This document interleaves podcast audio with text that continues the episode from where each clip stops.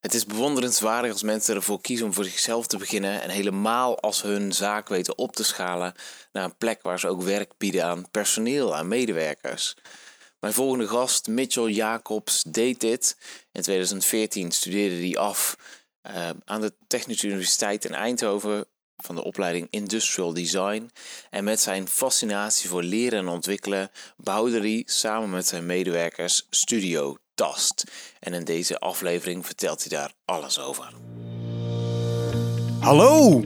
Tof dat je luistert naar de Gaaf podcast.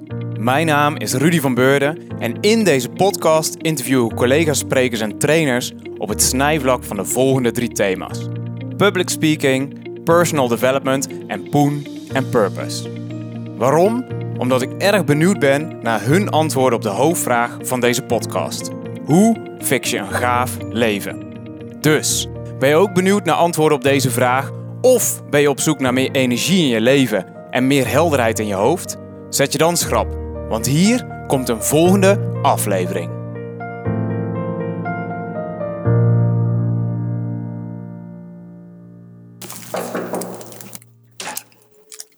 Hallo. Zo, dat is wel zeker anderhalve meter. Het is wel uh, zes meter of zo. Goed hè? Muy bien. Hallo. Hallo. Ik las net pas je ding. Ik weet niet hoe laat hij komt of naar dingen gaat. Je nog iets? Is dat, is dat niet geweest? Wat, eh, ja, het is wel lekker. Ja. Hebben ze iets met zalm of niet? Ja. Dat is wel super lekker.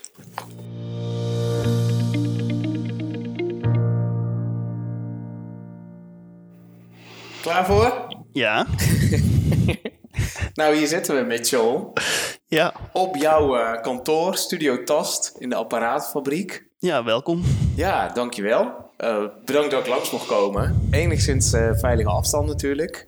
Kantoor is veel rustiger dan normaal. Want normaal is het hier hartstikke druk, maar nu zijn jullie maar met z'n tweeën. Ja, ja, ja, helaas. Hebben jullie een rooster of zo opgesteld? Dat je per tourbeurt komt? Nee, iedereen heeft zijn eigen computer en die hebben ze mee naar huis genomen. Ehm, dus het is niet een grote iMac-computer.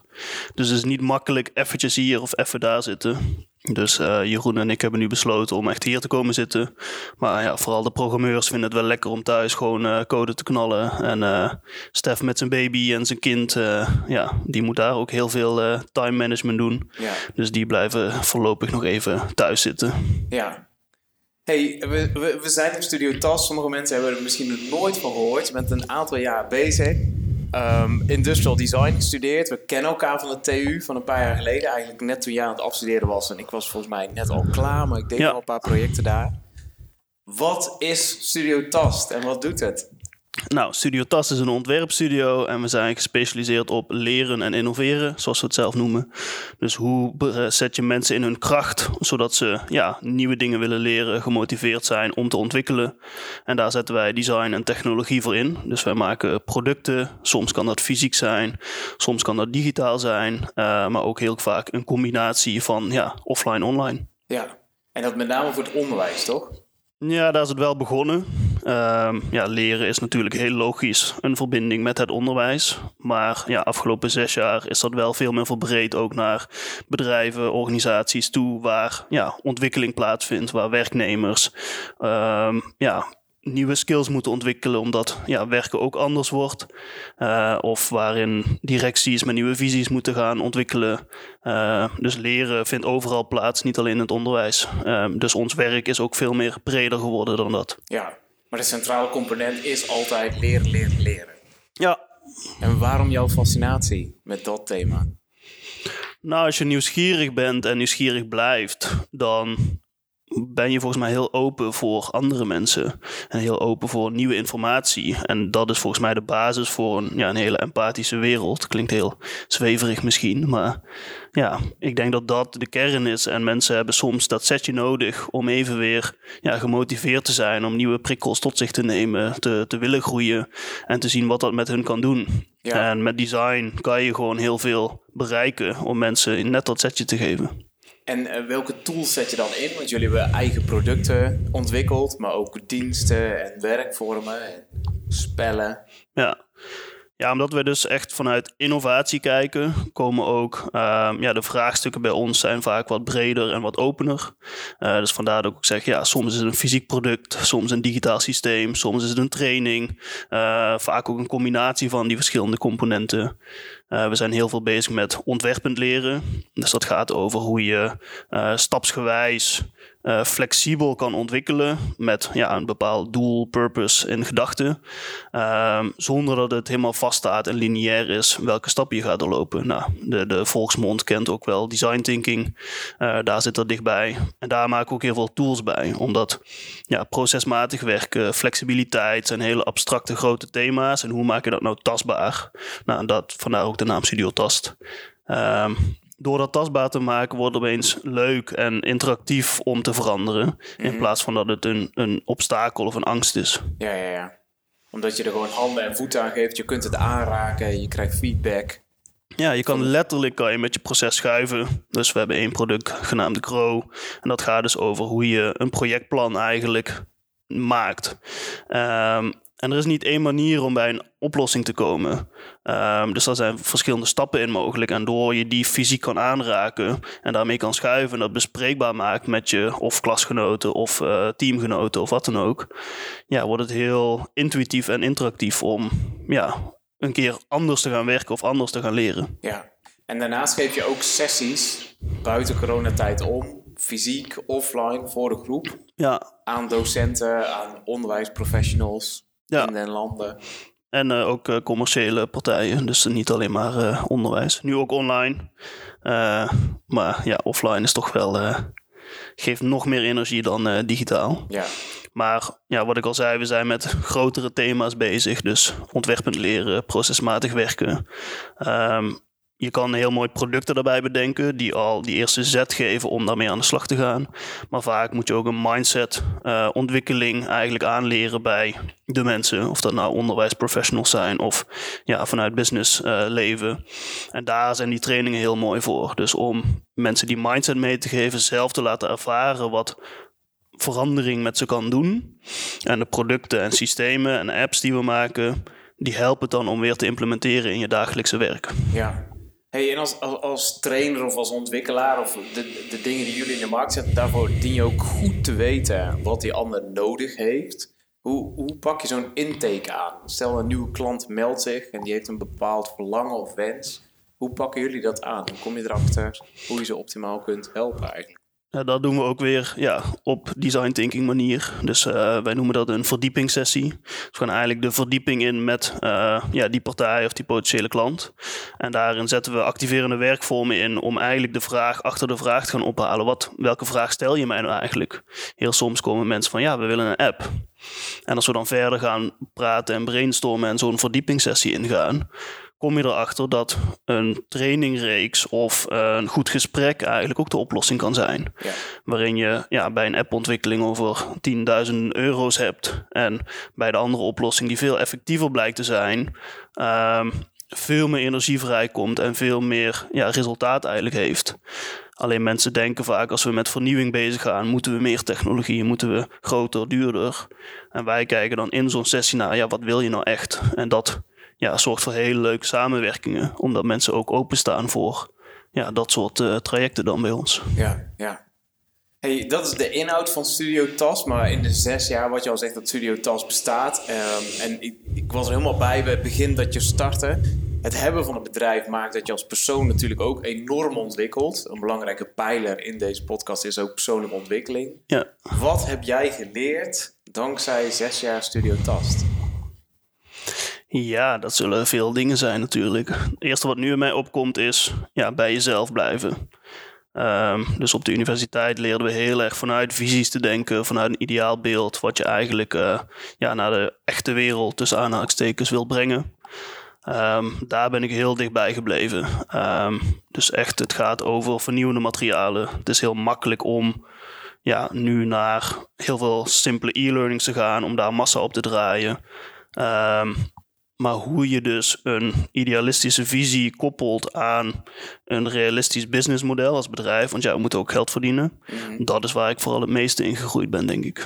En wat zijn dan concrete lessen geweest of hele concrete keuzes die je hebt moeten maken om dus bij jezelf te kunnen blijven, maar ook om het rendabel te maken? Nou, helemaal aan het begin durven nee zeggen. Dus ja, startend ondernemer, vooral uit de designwereld. Nou, bij design denken mensen aan een logootje, een huisstijltje, een dingetje hier, een dingetje daar. Ja, dat soort dingen gewoon niet doen. Alleen doen waar jij ook naartoe wilt met Studio Tast, of ik dan in dit geval.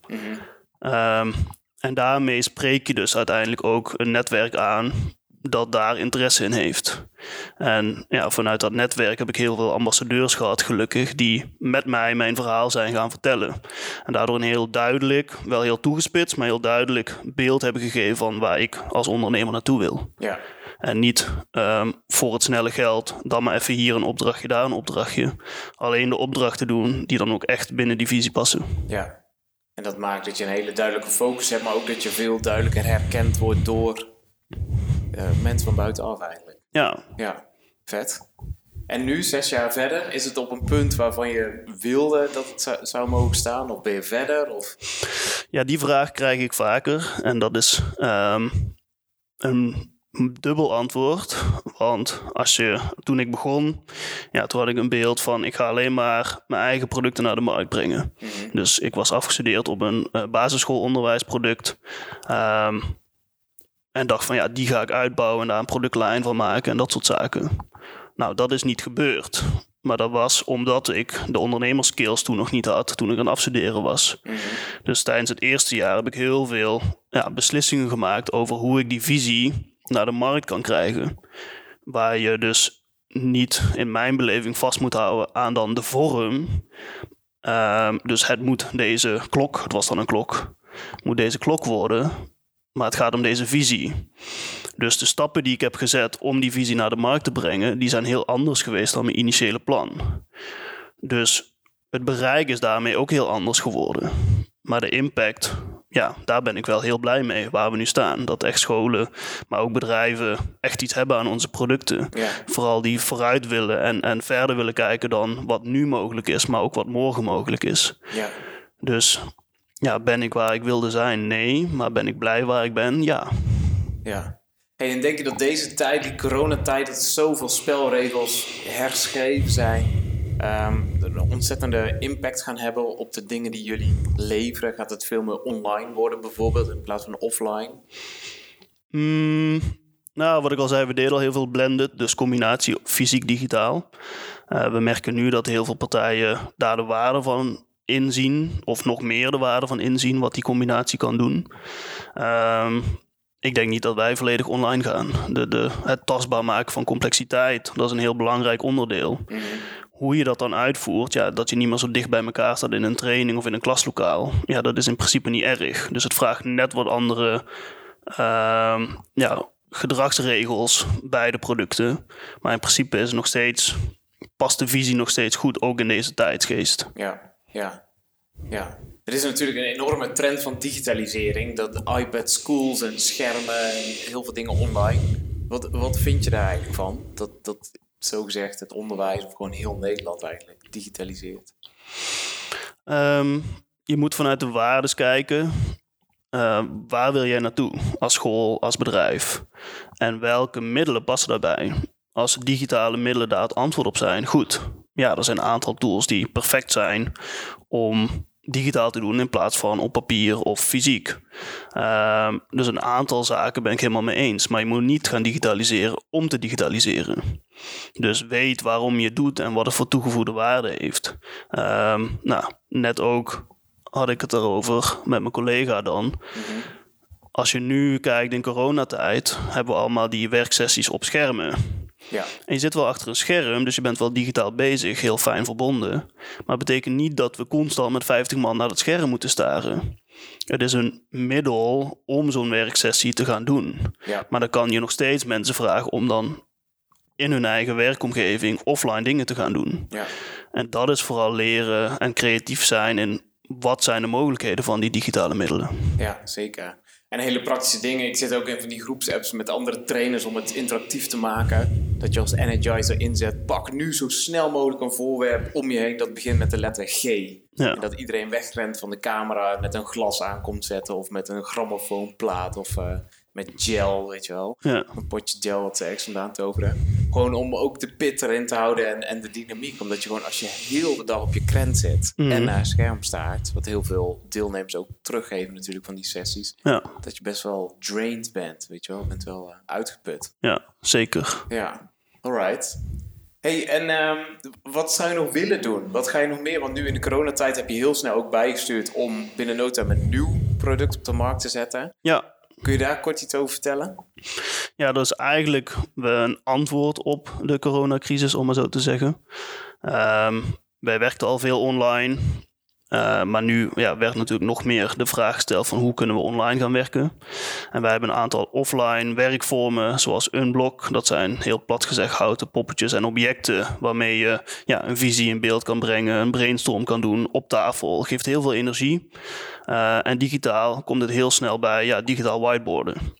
Dus hoe gaan we die offline experience digitaal zoveel mogelijk ja, oppakken? En dat is uiteindelijk het online platform TechTiff geworden. Het begint met echt van ja, fysieke werksessies en daar het, eh, de energie en, en, en ja, het, het gedrag, dat hebben we gedigitaliseerd. Dus echt vanuit menselijk gedrag hebben we dat platform gemaakt. Waarin het niet alleen maar post-it schuiven is, maar echt ja, interactief spelen en leuk online samen zijn. Ehm, nou, die hebben wij in vijf weken tijd van concept tot helemaal ja, gelanceerbaar product gemaakt. En nu gebruiken we dus ook bij onze sessies. En dan zie je dat ja, dat stukje energie toch weer terugkomt. ehm, wat wij offline ook in onze sessies hadden. En dat is wel heel prettig. Ja, en dat kunnen mensen gewoon met een mobiele website, is het toegankelijk toch? Ja, het is gewoon eh, een website. Dus jij kan ehm, heel makkelijk daar een sessie klaarzetten, externe deelnemers uitnodigen. Super intuïtief. Ehm, je hebt nul voorkennis nodig. Dus vorige week ook met 50 man daar sessies in gedaan in 12 of 14 verschillende eh, borden. Ehm, en die mensen hadden nog nooit het product gezien, nog nooit mee gewerkt, maar konden heel intuïtief ja, met objecten en iconen en, en, en dingen schuiven en spelen. Ehm, waardoor er niet alleen maar ja, verslagen in, in lappen tekst komen, maar ook gewoon hele mooie visuele praatplaten ontstaan. Ja, En dat helpt eigenlijk ja, ehm, om een beeld te hebben van waar je naartoe kan gaan of wat je doel dan ook is. ja. En dat valt mij ook wel op, vooral bij hele grote organisaties bij hele grote teams. Van waar hebben we het nu eigenlijk over? Wat is het doel of wat is het thema dat op tafel ligt? Voordat dat überhaupt duidelijk is. Mhm. Eh, ja, daar ben je soms al uren of, of dagen aan kwijt eigenlijk. Ja, Eh, terwijl als je dat dus illustratief eh, kunt vormgeven, dan heb je een soort van piketpaaltje waar mensen het over kunnen hebben. En dan kan er nog wel bijgeschaafd worden. ja. En dus dan niet ook. Het is niet alleen maar digitaal. Nu wordt het wel vooral digitaal gebruikt, dus dat Tactive. Ehm, maar straks, als we meer offline mogen gaan doen, zijn we dus nu ook met een augmented reality versie bezig. Als je dan een fysieke sessie hebt gedaan, dat je hem heel makkelijk kan digitaliseren. En dan niet de hele tijd met je foto's loopt te klooien, die dan weer in je PowerPoint moet zetten. Maar dus echt een professionele visual dan digitaal eruit kan trekken, daar nog even nabewerken. Dus daar komt ook weer ehm, ja, dat fysiek-digitale terug, waar wij heel erg in geloven. En dan wordt het heel makkelijk om ja, dadelijk terug te gaan naar de echte werksessies in de fysieke wereld. En misschien komt er weer een, een tweede golf corona en we moeten weer terug in een lockdown, wie weet. Ja, En dan kan je weer heel makkelijk digitaal verder. Ehm, dus dat dynamische tussen de online en offline wereld, ja, dat zit ook wederom in dat product. ja, ja. Hey, en helemaal aan de voorkant wist je altijd al dat je ondernemer wilde worden? Of een eigen bedrijf zou willen hebben? Ja, eh, diep van binnen borrelde dat. Wat dat dan moest zijn, ja, geen idee. En hoe dat dan kan, weet ik ook niet. Dat zit dan in je genen of zo. Ehm, dus als student heel erg gaan kijken naar... Waar wil ik mij nou als ontwerper ja, hard voor maken? Ehm, heel snel kwam een maatschappelijk thema is voor mij belangrijk. Niet per se echt in commerciële productontwikkeling, maar wel waar je met mensen bezig bent. Ja, en zo ben ik in leren gerold. Want daar vond, nou, waar we het net over hadden, die digitalisering plaats. Ja. Wat heel mooi kan zijn, maar niet altijd het perfecte antwoord is. En design is daar ja, het medium voor om te laten zien wat je nog meer kan doen als het om innovatie gaat dan alleen maar digitalisering. Ja, ja. En ik denk dat die designtaal nu de laatste jaren, ook mede door wat alles hier in Eindhoven gebeurt, ook steeds sterker en sterker gewaardeerd wordt, denk ik. Als een extra instrument waar je heel veel gebieden mee aan elkaar kunt verbinden eigenlijk. Ja, ja niet-ontwerpers krijgen nu steeds meer grip op wat het kan betekenen. Het is niet een open, creatief, vrij proces waarin alles mogelijk is. Als het om design-based leren of ontwerpend leren of werken gaat, ja, dan heb je een heel hard beginpunt en eindpunt. Uh, maar daarbinnen ga je flexibel en creatief aan de slag. En die combinatie maakt het heel ja, bruikbaar voor ja, wicked problems, noemen ze dat er nu. Um, heel veel bedrijven willen anders, moeten anders, willen meer duurzaamheid gaan implementeren, willen dat hun teams zelfstandiger zijn, willen meer eigenaarschap uitdelen. Ja, hoe ga je dat doen? Ja, Zonder dat je die structuur en controle verliest. ja. En die verschillende vragen, die vind je gewoon heel prikkelend. Ja, Dat is wel iets waar je op aangaat. Ja, en als je dan iets kan maken wat in de ogen van de gebruiker simpel is en leuk is, en dan ze noemen het een spel, terwijl het heel serieus is, en dan onbewust aan het veranderen zijn hoe ze werken of hoe ze leren, en dat leuk vinden om te doen, ja, dat geeft een hele kick als ontwerper. Ehm, ja, wat ik in het begin al zei, dat je niet dat als obstakel gaat zien als gebruik van ik moet veranderen, maar als iets leuks, iets interactiefs. Ja, een soort van pool. Mensen willen er gebruik van maken. Mensen willen ermee aan de slag in plaats van dat het een moedje is.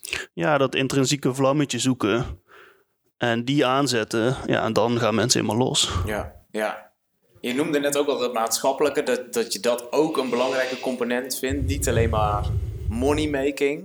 Een ander onderdeel, een rode draad in deze podcast is het thema poen en purpose. Ook bij jou wel eh, bekend natuurlijk. Ja, Ehm, waar we ook verschillende dingen vanuit JCI mee hebben gedaan. Poen en Purpose Borrels.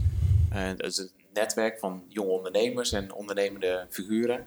Waar we allebei bestuurslid van zijn geweest vorig Ja. jaar, 2019. Nu hebben we het stokje overgedragen. Ehm, kun je iets vertellen over de verhouding van Poen en Purpose in, in jouw werk of in jouw privéleven? Hoe hou je daar rekening mee? Is dat een schommel of kan het samen? Ja, ik denk dat het heel mooi samen kan. Ehm, dus als ontwerper kijk ik naar de waardes die een product of een dienst kan leveren aan de gebruikerskant, maar ook aan de economische kant. En die twee moeten in balans zijn. Dus het begint wel altijd, bij mij in ieder geval vanuit purpose, maar we gaan op zoek naar een vorm die ook ja, aan de poenkant een logisch verhaal wordt. En dat kan zijn dat je bepaalde ontwerpkeuzes moet maken of bepaalde functies wel of niet moet doorontwikkelen. Ehm, en dat maakt het eigenlijk dat wij wel realistische producten maken, maar die wel vanuit dat maatschappelijke oogpunt of duurzaamheidsoogpunt ontwikkeld worden. En als je dat dus in de markt zet, dan komen die opdrachtgevers als vanzelf? Of, hoe zie je dat? Heb je in het begin ook heel veel dingen voor nop moeten doen om, je, om jezelf te laten zien? Mm, nou, niet per se vanop. Ehm, dus alle.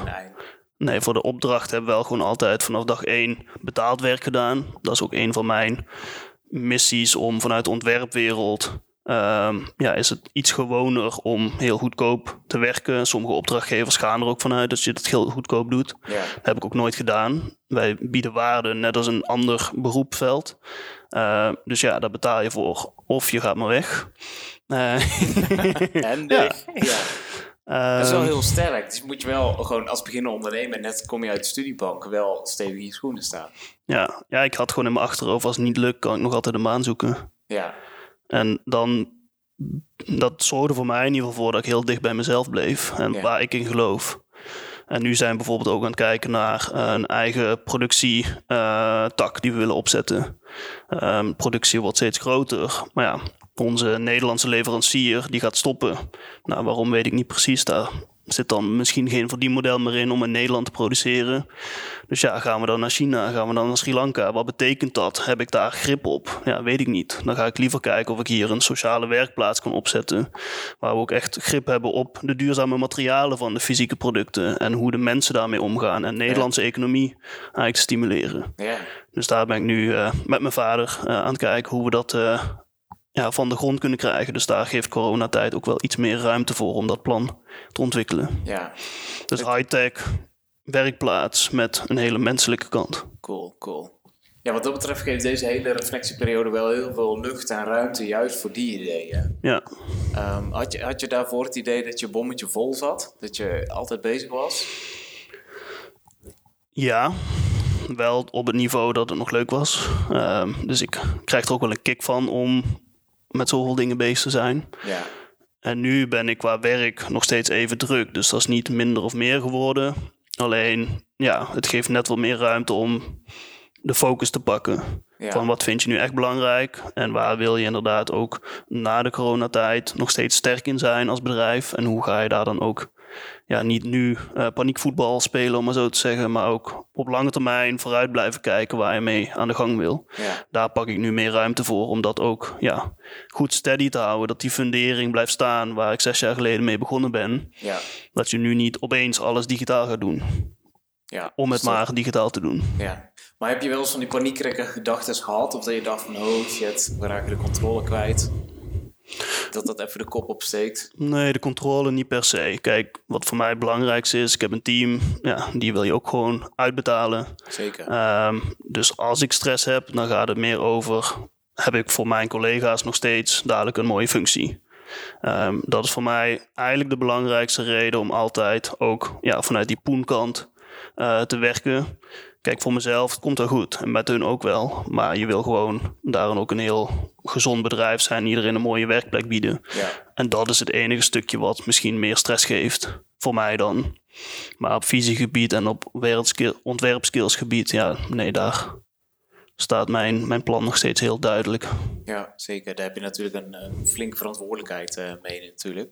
En ik denk dat je ook gewoon... Je bent echt bizar goed in plannen. Er is niemand die ik ken die beter is in plannen. Als, als, als we aan jou iets vragen van... Goh, kun je volgens dit en dit? Dan zeg je wel... Ja, dan moet ik voor die tijd hebben. Want ik zet het in mijn agenda dat ik van half twee tot drie uur aan werk. En dan is het gewoon af en dan krijg je het ook. Ja. En als je niet voor die tijd hebt ingestuurd... dan kunnen we een design niet aanpassen of... eh, eh, heb je daar nog tips voor? Ben- Ben je altijd al zo geweest sinds jongs af aan? Of is dat iets wat je jezelf hebt aangeleerd? Om zo gedisciplineerd te zijn en zo strak in je agenda eigenlijk. Ehm, nou, mijn ambities zijn heel groot. En om dat te kunnen bereiken, ja, moet je in mijn beleving gestructureerd zijn. Ehm, ja, om zoveel mogelijk daarvan te maken. Dus ik weet niet of ik van mijn kern is niet per se echt een planner. Maar het geeft mij heel veel structuur en rust om daarbuiten mijn creativiteit de vrijloop te laten gaan Ja, als ik aan die planningskant niet de structuur heb, ja, dan geeft mijn creativiteit ook niet de ruimte om ja, te groeien. En dan word ik heel onrustig. maar zet je dan echt alles als blokken in je agenda? Of hoe doe je dat heel praktisch? Ah, dat is ook weer ja, practice what you preach. Dus we hebben een offline planbord waarin we planningen maken, gecombineerd met een digitaal eh, takensysteem. Eh, dus ook dat weer hebben we helemaal ver Studio Tast, eh, waarin ik en mijn team dat heel prettig vinden werken. Ja, Waardoor je ja, wel structuur hebt en planning hebt, maar weer niet helemaal vastzit in een bepaald lineair stramien. en dan zie je ook van elkaar waar je mee bezig bent. Ja, veel openheid. ehm, wat je nodig hebt van elkaar. Ehm, dus onze plansessies beginnen ook altijd met hoe voel je je? Ehm, en we eindigen altijd mee wat heb je nog van de rest nodig? Of kan iemand je ergens mee helpen? Eh, ook in online tijden ehm, speelt dat mee. Dus daarmee, als de een dat wat meer ruimte in zijn agenda heeft en de ander loopt over, ja, dan kan dat heel mooi eigenlijk overlopen in elkaar. Maar daar heb je wel die structuur voor nodig. Ja, ja, helder. Tof. Hey, en wat als je nog groter mag denken en een heel invloedrijke positie zou hebben, bijvoorbeeld bij het ministerie, en iets zou mogen zeggen over onderwijs, al dan niet voor jongvolwassenen, al dan niet voor training on the job, al dan niet voor scholen. Wat zou jij door willen voeren in Nederland? Of wat denk jij dat Nederland echt nodig heeft op het gebied van leren en ontwikkeling? Ehm, oeh, dat is een grote vraag. Klopt. Ja, wat heeft nodig? Mensen in hun kracht zetten. En dat is heel, heel abstract natuurlijk. Maar ik zie bij heel veel organisaties dat mensen geen beslissingen durven te maken of mogen maken. Terwijl met de juiste tools en juiste begeleiding, ja, iedereen ja, veel meer kan floreren en kan groeien. Ehm, dus mocht ik bij een ministerie aan de slag gaan, ja, dan zou ik ook daar design-based, ontwerpend werken. Ehm, om vanuit de gebruiker te luisteren, wat heb jij nodig? En dat te vertalen naar oplossingen. Ja. Ehm, dus geen verslagen maken, maar producten, systemen leveren en trainingsprogramma's leveren. Dus ook het voorbeeld van Tactive, dus dat eh, online platform wat wij in vijf en een half, zes weken hebben gemaakt. Ja, we zijn het gaan doen. We hebben het bedacht, zijn het gewoon gaan doen, hebben het in de markt gezet. En nu komt dat terug. Maar als ik alleen maar een verslag of een visie in de markt had gezet, zeiden mensen: ja, leuk, mooi. Ja, ja, ja, oké, gaan we doen.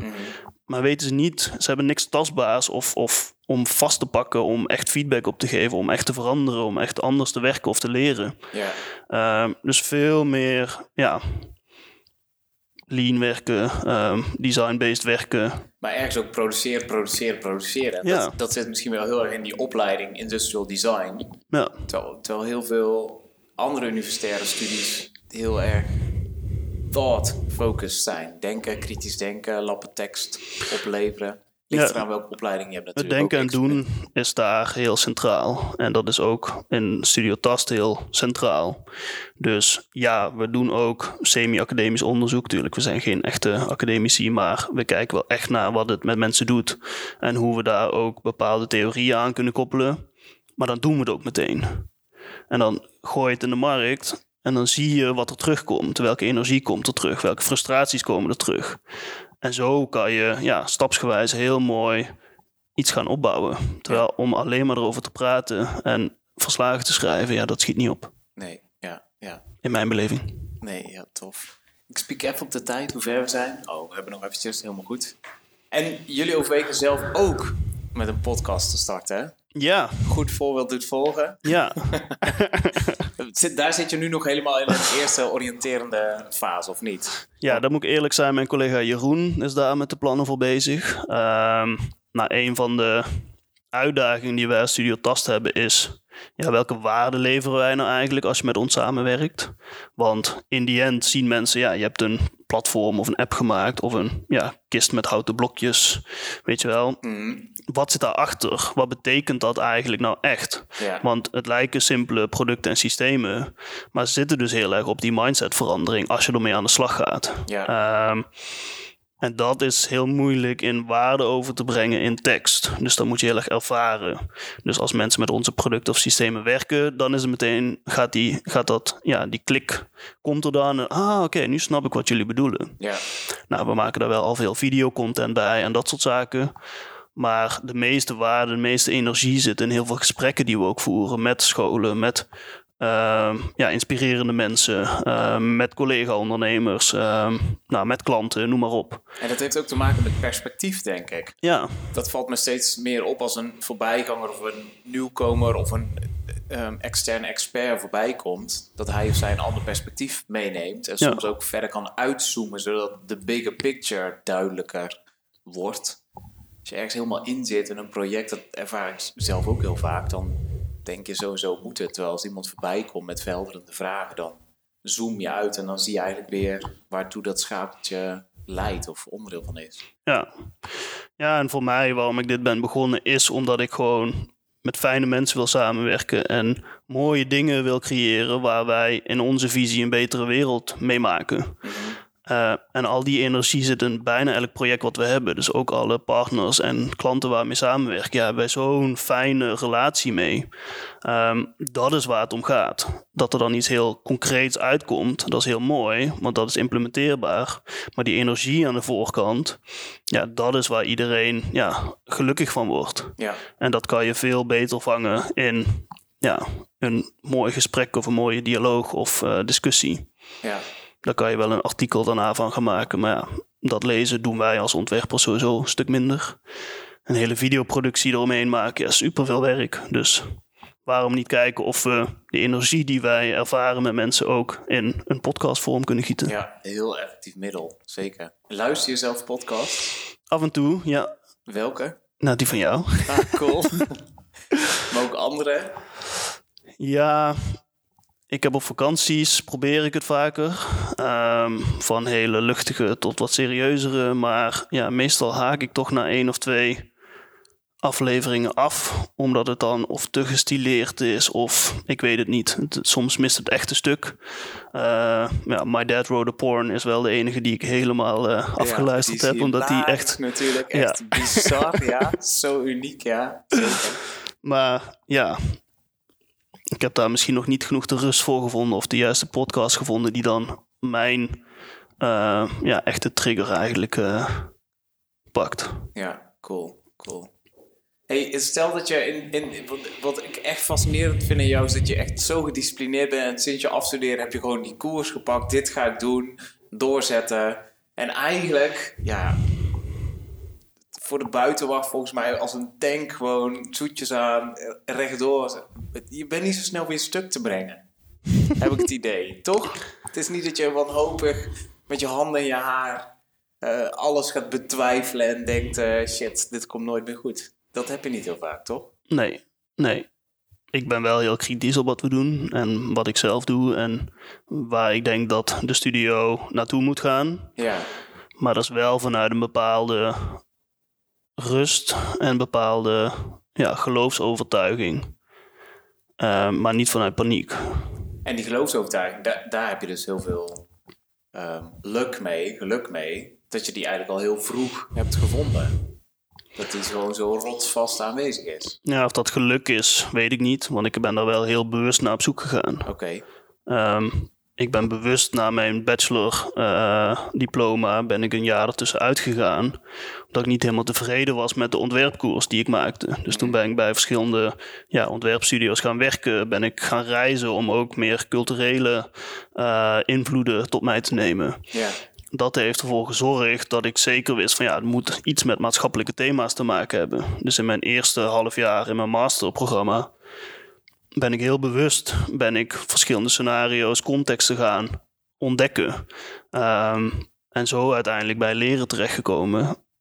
En me daar wel in één keer vastgebeten, ja. ja, precies, precies. En toen twee jaar al soort van kunnen laten sudderen voordat ik echt het ondernemerschap inging. Ja, ik denk dat dat ook heel goed is. Het onderbewustzijn, in een van de vorige afleveringen heb ik het daar ook over gehad. Als je daarmee bezig bent en dat sudderen, hoe jij het noemt, Ja. dan hoef je er niet fulltime mee bezig te zijn, maar dan werk je er eigenlijk al naartoe. Dan kan het uiteindelijk eh, vorm krijgen na verloop van tijd. Ja. En een gezond stukje koppigheid is ook wel belangrijk, denk ik. En dat is meer het persoonlijke vlak, maar dat zit ook wel in jouw familie, toch? Je bent voor een deel. Ze luisteren, hè? Pas op. Ja, ze luisteren. Hindoestaans. Maar ik kan me nog herinneren dat je één keer met je oma op reis bent geweest naar Indonesië. Ja, klopt. En dat waren af en toe ook al een paar pittige ervaringen, of niet? Ja, ja, zeker. Mijn oma is Surinaams-Hindoestaans. Mijn opa was Indonesisch. Eh, en samen ben ik met oma inderdaad naar Indonesië gegaan. Ja, zij heeft ook altijd een duidelijk beeld van wat zij vindt dat moet. En houdt ook wel van een beetje ja, spanning, om maar zo te zeggen. Daar geniet ze ook wel van. Dus dat is misschien dat Hindoestaanse ondernemersbloed wat eh, toch ook wel in mij zit. Maar dan kwam je ergens aan met de bus en dan stapte je allebei uit. En dan wist jij eigenlijk al waar de route was waar je naartoe moest. Maar zij had dan een ander idee. Ja, en dan moesten we naar links en ze liep naar rechts. En dan waren er duizenden mensen om ons heen. En voor je het weet ben je er kwijt. en de trein ging eh, over twee minuten vertrok die. Ja, en dan moet je even naar oma gaan schelden. en dan kijken de mensen je aan van... Hoe praat jij tegen die mevrouw? Want zij is 80 jaar. En dan komt ze lachend komt ze terug en zegt... Ja, ik wist het wel hoor. Maar eh, ja, dat zijn heerlijke momenten. Ik kan me echt niet voorstellen dat ik ooit tegen mijn oma zou moeten schelden. Ja, helaas is ze er niet meer, maar die, die was zo'n pittige tante dan jouw oma. Ja. Gewoon, eh, En daar geniet ze dan ook van. Dat was ook een beetje de relatie die ze met opa had eh, voordat hij overleed natuurlijk. Een beetje dat, ja, dat strijden op een gezonde manier. ja, Eh, ja, dat was ook hun liefde. ja. Maar met het temperament en die pit, dat zit ook wel in jou, toch? Ja, ja wel zeker. meer gedecideerd, denk ik. Dat je ook wel... ehm, ja, je, je laat het niet zo snel ontvlammen, zeg maar. Maar het, het is wel een soort van brandstof voor jou, denk ik. Ja, ik heb het iets meer gefocust, waardoor je ja, op één ding gewoon al je energie kwijt kan. Ja, In plaats van op heel veel dingen. Ehm, en die focus heb ik gewoon nodig, want mijn brein is ook gewoon altijd bezig. Ehm, en zonder die focus word ik ook helemaal gek. Dus ja, door dat op één ding te stoppen. En vanaf het begin heb ik tegen mezelf gezegd: alles is eindig. Dus ook dit. Ik geloof in ja, het design for education, laten we even noemen. Maar wat dat dan betekent en hoe ik me daar over een paar jaar bij voel, ja, dat laat ik gewoon los. Op dit moment is dit mijn focus. En ja, we begonnen inderdaad met alleen maar afgebakend binnen onderwijs. En heeft zichzelf heeft dat omgevormd vanuit de vragen die ja, mensen bij ons neerlegden. Naar samenwerken met musea, met leervraagstukken, met commerciële bedrijven als banken en eh, dat soort zaken. Ja, veel bredere doelgroep. Ja, en dezelfde designprincipes kan je daar toepassen. Eh, alleen dus elke keer zo anders. Dus ja, daarmee verveel ik me niet, ook al ben ik heel toegespitst bezig. Ja, maar je, maar je zegt dus wel tussen, de, tussen neus en lippen door dat je over tien jaar misschien wel in een andere levensfase iets anders zou kunnen doen. Ja, wie weet. Ja, maar dan wel vanuit de rol als designer of... Ja, dat zit in je bloed, dus Ja. die laat je niet los. Ja, Dus ja, alles zal ik sowieso ontwerpend doen. Ehm, maar ja, misschien wil ik me later wel gewoon voor een hele mooie stichting warm maken en hard maken. En dat ik dan iemand vind die met heel veel liefde de studio wil overnemen of geen idee. Ja, ik laat dat. zijn gewoon open. Ja, mijn pad is daarin open, mijn einddoel blijft staan. En of ik dat nou linksom of rechtsom bereik, ja, dat maakt niet uit. Ja, ja. Hey, misschien ter afronding, je had het daar net ook al over, ook nog voor de microfoon aanging. We zitten nu in heel veel van die online sessies. Dat kunnen ook vergaderingen zijn. Ook mensen die naar de podcast luisteren. Ongetwijfeld Zoom-sessies, Skype-sessies, Microsoft Teams-sessies. Maar sommige zijn gewoon soul draining, boring. Twee uur lang, drie uur lang. Eh er luisteren ook facilitators en trainers naar deze podcast. Heb je tips voor hen om de boel iets verder up te spicen? Dus dat het niet, dat het niet voelt als een complete werkdag als je maar in een sessie van drie uur hebt gezeten als deelnemer. Ja, blijf bij ook je principes die je offline in werksessies en in meetings gebruikt. Maar ga kijken hoe dat in een online wereld kan werken. En dat betekent dus niet alleen maar iedereen naar het scherm laten staren. Je kan ook heel prima ehm, in een Zoom-sessie zitten met z'n allen, terwijl je allemaal offline bezig bent. En dan een slimme manier hebt om dat weer bij elkaar te brengen. Dus het vraagt gewoon net een andere werkvorm en voorbereiding ten opzichte van ja, de sessies voor coronatijd. Maar dat is waar de energie waarschijnlijk ontstond. Eh, dus daar heb jij jouw business opgebouwd. Dus ga dat nu niet helemaal loslaten omdat we allemaal naar een schermpje zitten staren. Ja, goeie. Ja, laatst heb ik een studenten van Tilburg University. En een van die eerste oefeningen was een brain dump. Dus pak gewoon een A4'tje en een pen. Zeven minuten op de klok. Ik zet de timer aan aan deze kant van de lijn. En nou iedereen, alles wat je in je kop hebt, maakt niet uit. Werk, privé, to-do's, tekeningen. Kwak het op dat papier. Go. Zeven minuten. Dus iedereen in stilte. En dan zie je al die hoofdjes voorover gebogen. En laat hem nu maar eens zien. Dus je zag een hele lijsten vol op die camera's. En dan toch inderdaad de afwisseling maken. Wat, je ook, wat ik zelf ook merk. Dat je Ja. alleen maar aan het praten bent of zo. Dat is super vermoeiend. Ja, durf te experimenteren. En Ja. deel dat dan ook met je, met je groep. Als je dat benoemt. Ja, Nu dan vinden er- ze het alleen maar superleuk. Komt er een experimentje. ik zag dus van de week in, in zo'n andere trainingsapp. Dat ze als Energizer het YMCA van de Village People hadden gedaan. Dus die, die, die trainer had super hard het nummer aangezet. En iedereen ging staan en moest dus YMCA doen voor een camera. Die moest wel wat overredingskracht hebben natuurlijk. En een beetje rapport opbouwen in het begin van die sessie. Maar Ja. al die mensen gingen mee en gingen dat doen. En die hadden zo'n screenshot gemaakt dat iedereen met zijn armen zo in de lucht stond. Maar gewoon, ja, het is hartstikke hilarisch. Dus dat komt, ja, mensen hebben er ook wel zin in, denk ik. Ja, dat hebben wij vorige week ook gehad. Er was dan ook een andere facilitator die dat deed. Ja, ik ben daar zelf wat minder van. Oké. Maar ik zit meer aan de inhoudelijke creativiteit dan aan dat soort energizers. Maar Ja. dat doe ik in mijn offline werk ook. ja, Dus daarmee nogmaals, blijf dicht bij wie jij bent als trainer of als, als ondernemer. En ga kijken hoe dat in een nieuwe realiteit kan werken. ja, Dus.